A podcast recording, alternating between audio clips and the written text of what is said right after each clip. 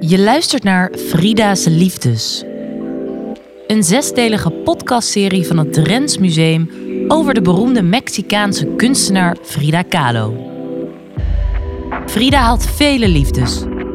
Haar schilderkunst, kleding, dieren, haar eigen spiegelbeeld, haar geliefde vaderland Mexico, strijd voor gelijkwaardige rechten en kunstenaar Diego Rivera.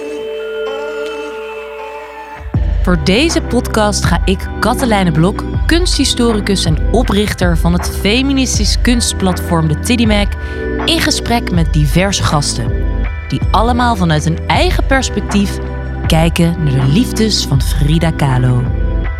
Deze podcast is gemaakt in het kader van de tentoonstelling Viva la Frida.